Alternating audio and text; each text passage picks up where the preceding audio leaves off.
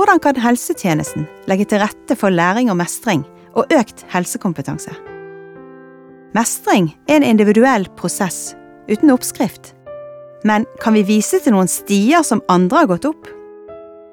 Velkommen til Spor av mestring, en podkast i regi av Nasjonal kompetansetjeneste for læring og mestring innen helse.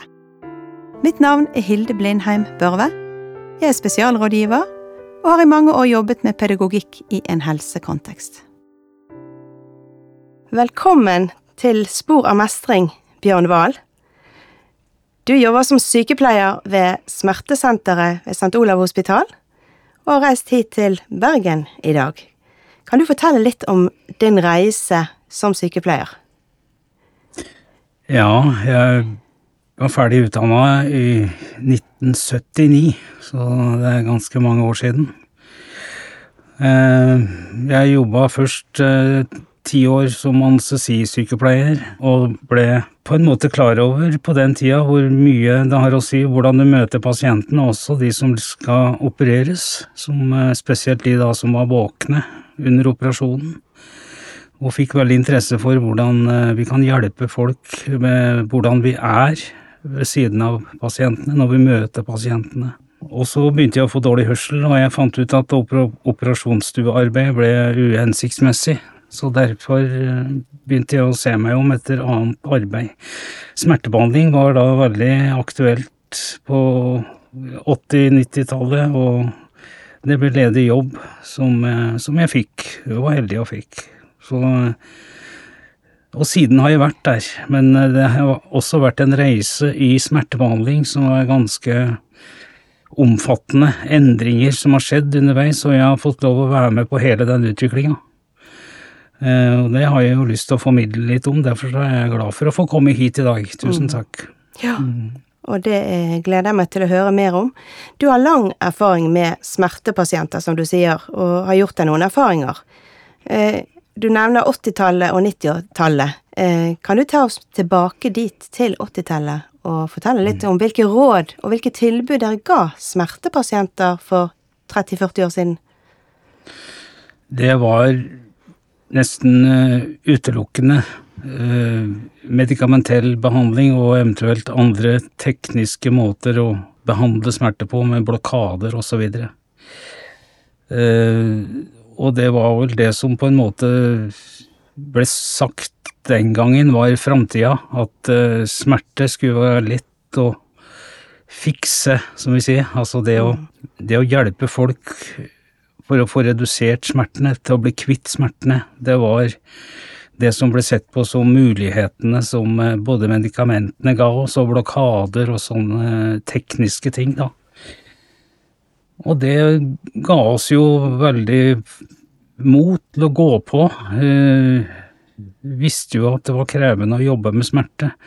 Så jo kolleger som jobbet alene, som på en måte slet seg ut og slutta etter kort tid, for de ble så slitne. Og skjønte ikke helt det, men eh, skjønte jo mer av det når, begynte, når jeg begynte sjøl med smertebehandling, hvor krevende arbeid det var. Jeg opplevde jo at pasientene kom og ønska at jeg skulle hjelpe dem med å redusere smerte eller bli kvitt smerte. Og jeg jobbet jo sammen med lege, så vi holdt jo på med mye legearbeid, og det var medikamenter som ble prøvd ut, og blokader som ble gitt, og vi stakk nåler i muskulatur for å få uh, lindra smerte på den måten, og, og lokalbedøvelse ble brukt uh, en masse. Og, og pasientene var takknemlige. 'Tusen takk for at du hjalp meg', sier de. Mm.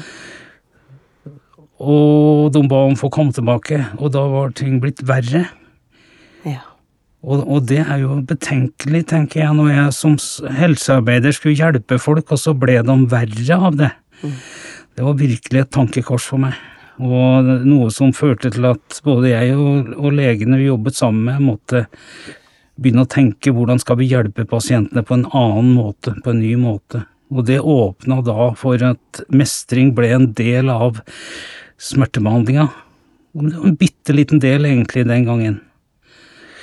Men eh, det begynte, og, det var det som Helt klart det som har fått meg til å fortsette i, i 30 år med dette, dette arbeidet. Ja. Så det vil si at dere bruker ikke lenger medikamenter? Nei, I særlig stor grad? I, I, liten grad nå. øh, Og nå har vi lært å skille veldig mellom akutt og langvarig smerte. Og vi ser jo hvor viktig medikamentene er i langvarig smerte. Nei, i, i akutt smerte. Og, og hvor uheldig det er å bruke medikamenter til folk som skal leve lenge med smertene sine. Eh, kort forventet levetid, som vi også ser hos noen, da tenker vi mer at da må det være full anledning til å bruke medikamenter som, som hjelper. Men når folk skal leve lenge med smertene, så ser vi at medikamentene blir mer problem enn hjelp. Eh, og det er det vi prøver å snakke høyt om i dag. Eh, Og før så ble vi slått i hjel med at hva er det dere jobber med hvis du ikke skal hjelpe folk med smertestillende medisin? Det må jo være det som er måten å hjelpe folk på som, som sliter med smerter. Og da er det litt tungt å si det at nei, det er ikke det. Det er en dårlig hjelp. Og da kreves det veldig mye informasjon både til, til befolkningen og til de pasientene som vi møter. Og til pårørende, tenker jeg. Og pårørende. At vi gjør det på en måte som gjør Altså øh, å informere på en måte som gjør at det her forstås og ikke oppleves som en avvisning. Og, og de her pasientene har ofte opplevd mange skuffelser og prøvd ut alt, og de sier ofte når de kommer til smertesenteret at nå er liksom på sist, dette er siste muligheten min til å finne noe som kan hjelpe meg. Så, så dette det er mye sterke møter vi har med folk som har vært lenge i et ø, fortvilt løp, så er de hele tida prøver nye ting, og, og, og hele tida blir skuffet for at det kunne hjelpe litt en periode, men så er det tilbake igjen. Og Høres. opplever Ja. Høres krevende ut, men jeg har lyst til å gå litt tilbake til disse pasientene på 80- og 90-tallet som utviklet en avhengighet. Hva tilbud har de fått i sin avhengighet? vi har sett så mange som har vært fortvilt, for de tør ikke å slutte. For at redselen for å få sterkere smerte blir da den første tanken som dukker, opp. Og derfor så har vi måttet erfart dette øh, gjennom det å hjelpe noen av vanedannende medisin, så har vi opplevd at smertene blir ikke noe verre. Smertene endrer seg ikke så mye, Nei. men andre ting endrer seg. Så som Det kognitive, som eh, ofte hemmes ved langvarig bruk av sånn medisin, kommer tilbake, og folk blir mer, kommer mer i kontakt med følelsene sine og blir mer oppmerksom, og, og, og mange sier at er det sånn verden er? Min verden har ikke vært sånn på år og dag. Og det å oppleve det er positivt for folk, ikke sant. Men uh, vi ser også at uh, en del av det å bruke sterk medisin over lang tid blir avhengigheten også en måte som opprettholder livet og hverdagen. Så- det som mange opplever når de trapper ned, er at kreftene ikke er de samme som før. Så det, det er mange som ikke tenker over. Og, og vi har heller ikke vært klar over hvilken stor rolle dette spiller før, før nå, når vi, hjelp, når vi hjelper folk med nedtrapping. At dette er på en måte en slags doping for kroppen. Altså den, den hjelper folk til å bruke mer krefter enn en kroppen har. Så den går på reservetanken løs. Det gjør det. Å få folk til å stå på. Og mange sier når de kommer ned i dose, så er det ofte den tvilen livet var kanskje enda bedre før, for da fikk jeg en boost hver dag når jeg tok medisinen min. Så klarte jeg å gå på, klarte jobb, klarte hjemme. Og, og noen sier at mannen min sier at jeg var et rivjern, jeg fikk det alt, jeg var super, supermennesker. Så, så det er ganske betenkelig hvor, hvor, hva vi fører folk inn i når vi, når vi starter en sånn medisin. Det har gitt meg veldig mye dårlig samvittighet når jeg møter folk som jeg egentlig har bidratt til har kommet inn i det. Som du trodde du hjalp? Som jeg gjorde med beste hensikt, for jeg trodde at dette var en grei måte å, å, behandle smerte på. Ja. Og så førte det folk ut i veldig dårlige mønster. Ja. Dette høres ganske tøft ut å ha jobbet i, og jobbe videre i. ja. Ja. Men det er, det er klart at det å møte folk og være ærlig på også som terapeut, da, som jeg som sykepleier føler meg ofte, det er å være ærlig og si at jeg vil virkelig hjelpe deg på en annen måte enn jeg har gjort så langt. For jeg tror at det jeg har gjort så langt, er nesten at jeg har vært med å vedlikeholde smertene dine og en dårlig livskvalitet. Men hvis du er villig til å prøve noe nytt, så kan vi hjelpe deg bort fra medisiner og inn i et liv som er rikere, og kanskje smertene er der fortsatt, men du klarer å møte og bære dem på en ny måte.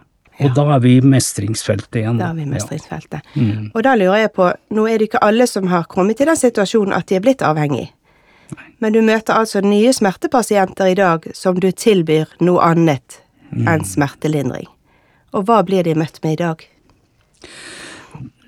Det er jo ofte at uh, vi møter pasientene med å spørre nettopp hva er det du ønsker, og hva er det du forventer når du kommer til oss som jobber med smertebehandling.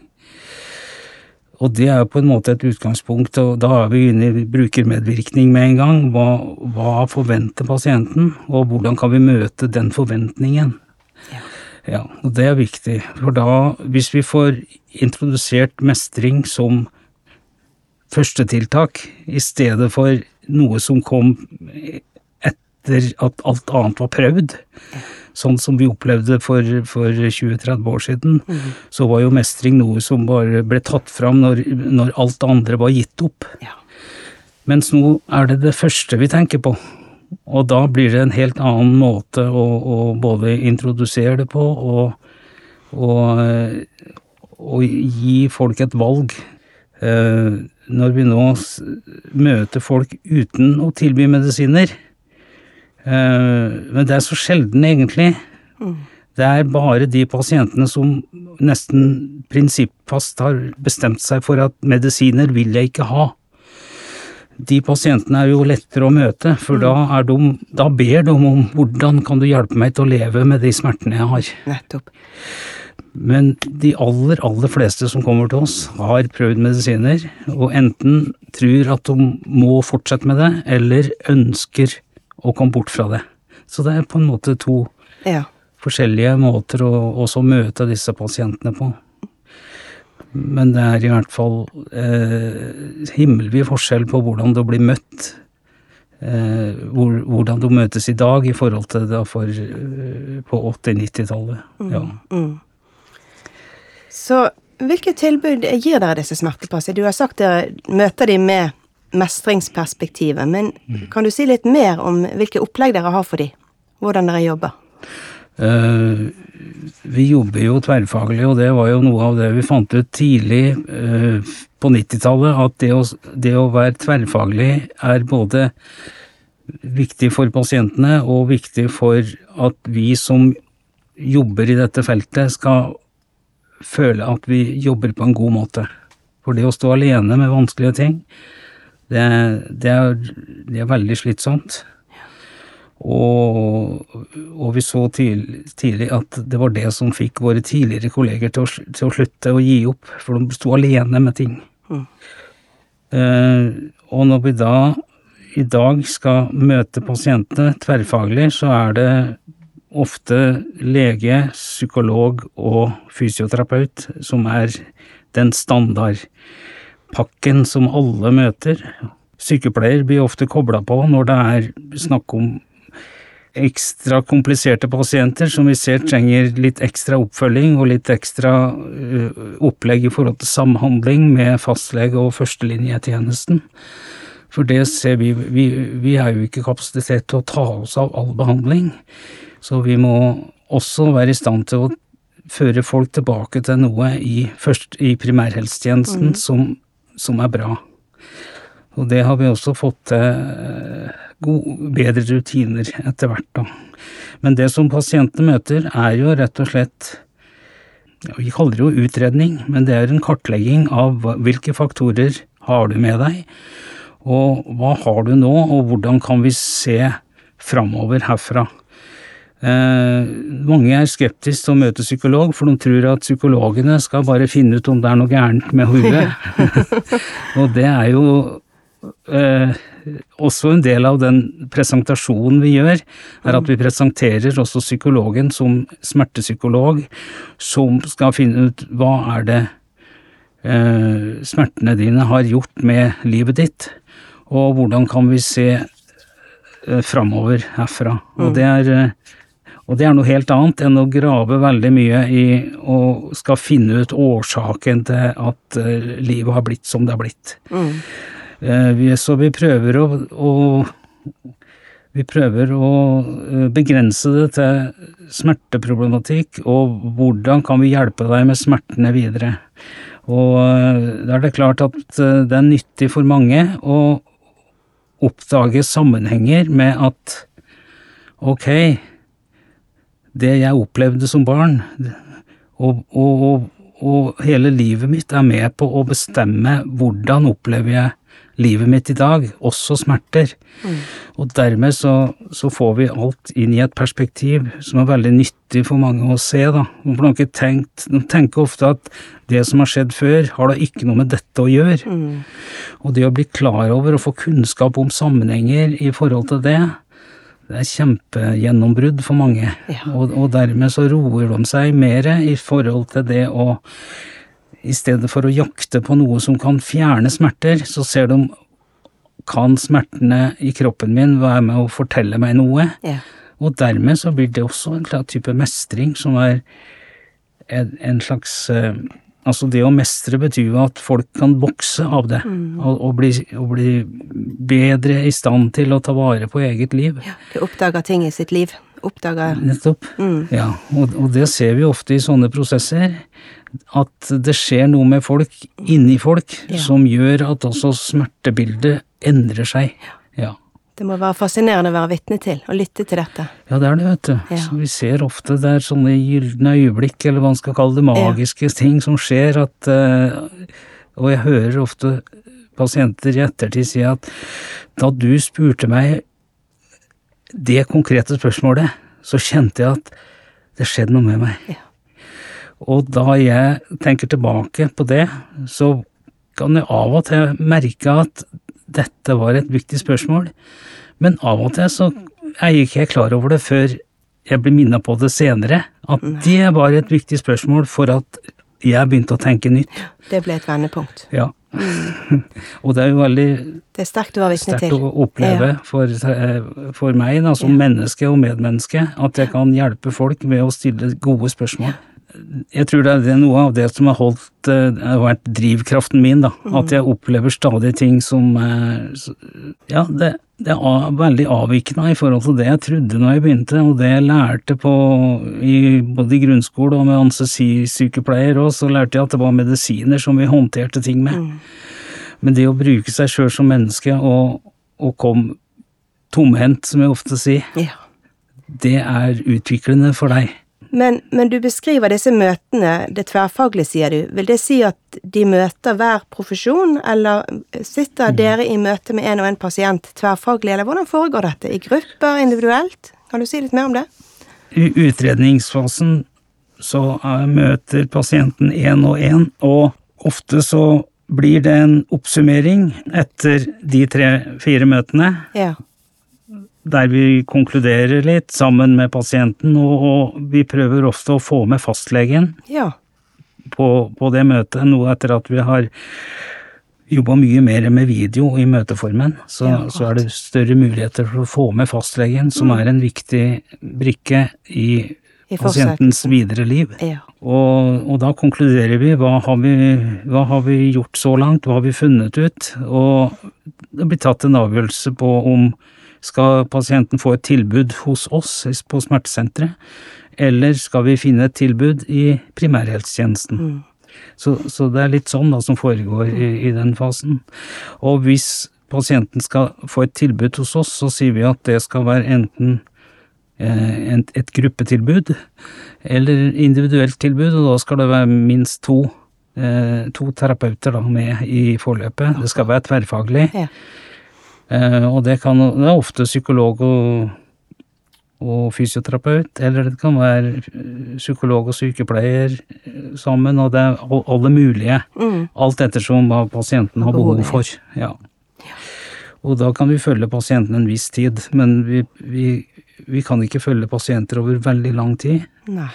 Men eh, vi kan gi et tilbud på f.eks. seks måneder, og så oppsummere, og dermed ta et nytt møte og si hva gjør vi, hvordan videre. Der du bor. Ja, vi ser jo helst at vi jobber for at pasientene selv skal klare seg sjøl. Det er jo det som er målet vårt. Mm. Og det gjør vi jo hvis pasienten opplever at det blir lettere å håndtere eh, ting, og at eh, vi får en god prosess der pasientene har virkelig tatt og gjennomført endringer og fått hjelp av oss til det. Ja. Jeg er litt eh, nysgjerrig på disse gruppetilbudene deres. Eh, Hva, hva ligger det i det? Hva, eh, hva system har dere for dette? Akkurat nå så har vi en forskningsstudie som sammenligner tre metoder som, som vi har holdt på mye med, men nå er det da systematisert, så nå er det en, en multisenterstudie som går i Oslo, Bergen, hos oss i Trondheim og i Tromsø. Der vi sammenligner tre metoder å drive gruppebehandling på. Og det er eh, eh, ACT, som da er en ny ja, ny og ny, i hvert fall ganske ny i Norge, men eh, vokser stadig. Acceptance Commitment Therapy, eh, der vi jobber mye med verdier og aksept eh, og, og, og tankeprosesser, og, og prøver å hjelpe folk videre med den kroppen de har, da. Og det er på en måte et alternativ til det å øh, ja, vi skal prøve å hjelpe deg med å bli kvitt smerten. Nei, vi skal prøve å hjelpe deg videre med den kroppen du har. Vi skal ikke ta bort smerte, vi skal heller se hva er det smertene betyr for livet ditt nå, og hvordan kan vi jobbe framover for å endre på det. Mm. Så der ligger akseptasjonen ligger i bunnen da, for å gå Ja. videre, det er det du sier? Nettopp. Og så har vi et eh, forløp der vi har Acceptance Commitment Therapy, som også inneholder oppmerksomhetstrening, men i den andre gruppen så er oppmerksomhetstreningen vektlagt mye mer. Eh, Det må, noen kaller det jo bare mindfulness, men eh, noen kaller det oppmerksomhetstrening, men det er på en måte å få treningsoppgaver imellom møtene som foregår én dag i uka, fire timer, og som da skal bidra til at man trener hjernen på å eh, være oppmerksom på alt, ikke bare de sterkeste eh, tingene som krever oppmerksomhet. Smerte er jo noe som krever mye oppmerksomhet, og det å trene på å legge merke til andre ting enn enn smerter, det er nyttig for å komme videre i, i gode prosesser. Og, og i denne studien så er det også eh, innlagt MR-undersøkelser før og etter for å se på endringer Ja. i, i, i hjernen eh, når, når pasienten har gjennomgått den herre uh, intens, intensive mindfulness-treningen, da. Og så er det en tredje gruppe som da er mer tradisjonell skolegruppe eller læringsgruppe, som får mye undervisning med refleksjon i temaer, men ikke sånn spesielt prosessstyrt, da. Så det, eh, studien går på å sammenligne disse tre metodene, og vi er, vel, vi er vel midtveis i studien, så det vil nok ta tid før resultatene kommer. Snakker vi om 23-24? Ja, vi håper nok at vi er ferdig med, med, med, med gruppene eh, i 2023. Ja. Men så skal det jo bearbeides Så det og jobbes mye etterpå. Ja, Ja. ja. Mm. Eh, hvordan erfarer du at pasientene opplever det å bli møtt hos dere med dette mestringsperspektivet? Eh, inntrykket mitt nå er at det er mye mer aksept blant pasientene å bli møtt med det, eh, og interessen for det er mye større nå, og mange er skeptiske til å begynne med medisiner. Nettopp pga. at det er mye fokus på det i media, at medisiner ikke løser problemene så godt. Og avhengighet er et problem, for vi hørte jo på, på 90-tallet så ble det jo sagt at avhengighet var ikke noe problem så lenge man hadde smerter, så var det ikke noe problem. Og det har vi jo virkelig fått erfart, at avhengigheten den kommer uansett. Eh, og overtar nesten, da, eh, og blir hovedfokus. Så dette er, har hjulpet oss da med å få lettere innpass til pasientene med mestrings, mestringsmodellen vår. Ja. Men, men opplever du det at ved å gi både kunnskap om smerten og om livet, som du har beskrevet så fint, at det gir en annen håndtering? Absolutt. Absolutt. Og det har, det har bare blitt sterkere og sterkere, tror jeg. Og ikke bare for meg, men også at andre opplever det. Jeg husker en pasient som sa til meg, og det er mange år siden, altså, at uh, jeg har lært meg en ny regle, og den er læring, mestring, bedring. Og det vil si, når du lærte meg ting, så hjalp det meg til å mestre hverdagen min på en ny måte. Og så, etter det igjen, så har jeg opplevd at både livet mitt og smertene har blitt bedre. Og når jeg kom til deg, så sa jeg jo, husker jeg sa første gangen, at jeg må bli bedre av smertene før jeg kan begynne å leve Ja, på nytt og ta tilbake livet mitt. det er gjerne det en tror. Og for det møter vi ofte, at eh, pasienten har satt livet på vent. Og noe må redusere smertene før man kan begynne å leve igjen. Og, og, og det er en bøyg å komme over, da, men det er mye lettere å snakke om de her tinga i dag enn det var for, for 20-30 år siden. Det er det. Ja, og nå kan du jo òg vise til en del erfaringer Ja, som du kan fortelle om. Ja. Og kunnskap er med på å kunne bidra til at folk eh, mestrer bedre, men ikke nødvendigvis. For jeg har truffet veldig mange som har vært på all verdens kurs og lest selvhjelpsbøker og ditt og datt, men ikke blitt noe bedre. Nettopp på grunn av at all den kunnskapen de har, klarer de ikke å omsette i sitt eget liv, i hverdagen. Hva betyr det for din hverdag? All den kunnskapen du har.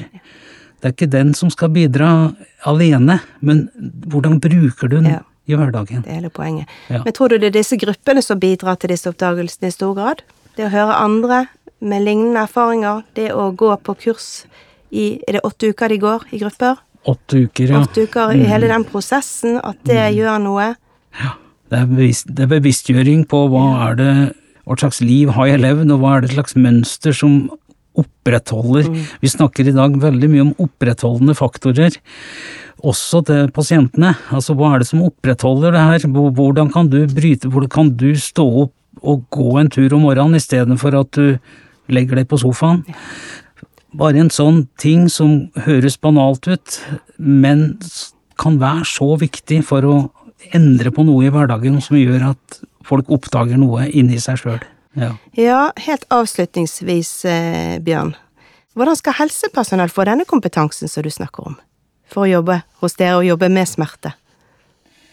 For å ta utgangspunkt i, mitt, i, i meg sjøl, så tror jeg at det meste av dette har jeg lært gjennom min praksis og min kontakt med pasienter, og ved å jobbe tverrfaglig med andre som også er opptatt av å hjelpe folk på denne måten. Hvis man har en kultur for å snakke om både hvor vanskelig det er å være terapeut når man ikke har en kokebok å, å, å vise fram, og en, en metode som er evidensbasert og virker, virker til alle.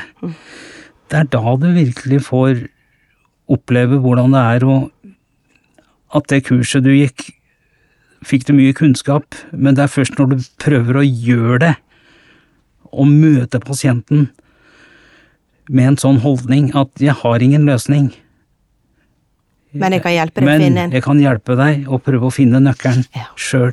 din For jeg tror du har nøkkelen, men du har ikke funnet den ennå. Altså, det- sånne metaforer er også virkelig med på å gjøre det spennende for pasienter Mm. å være med på en sånn eh, prosess der, det, der vi leter sammen. Eh, og jeg bruker ofte å si for folk som ikke sier at folk som sier at jeg er, jeg er ikke god nok på det. Nei, du blir aldri god nok hvis du skal vente på det. Nei. Du må begynne i dag. Mm. Og, og, og trene på det å ikke ha de gode løsningene. Trene på det. Det er en øving som, som du kan utvikle deg på. Det å være god på det basale i faget vårt, og, og, og som menneske, vi som skal jobbe med mennesker, det å møte mennesker, det er det som er viktig. Og inkludere dem istedenfor å skyve dem fra oss. For vi har lett for å si nei til det vanskelige. Vi har lett for å snu i døra hvis det blir et vanskelig spørsmål, og skylde på at vi har det travelt. Og da har vi ikke tatt den muligheten vi hadde. Så, så det, å, det å se på enhver situasjon som en mulighet for å hjelpe et menneske lite grann videre, uansett hvor lite det er du har å bidra med, så er, er du verdifull der og da. Eh, jeg må bare si tusen takk til deg, Bjørn Wahl, for at du har delt både av historien, smertehistorien, tilbake på 80-tallet, din kunnskap og av dine holdninger. Tusen takk for at du kom. Takk for at jeg fikk komme. På gjenhør til nye samtaler om spor av mestring.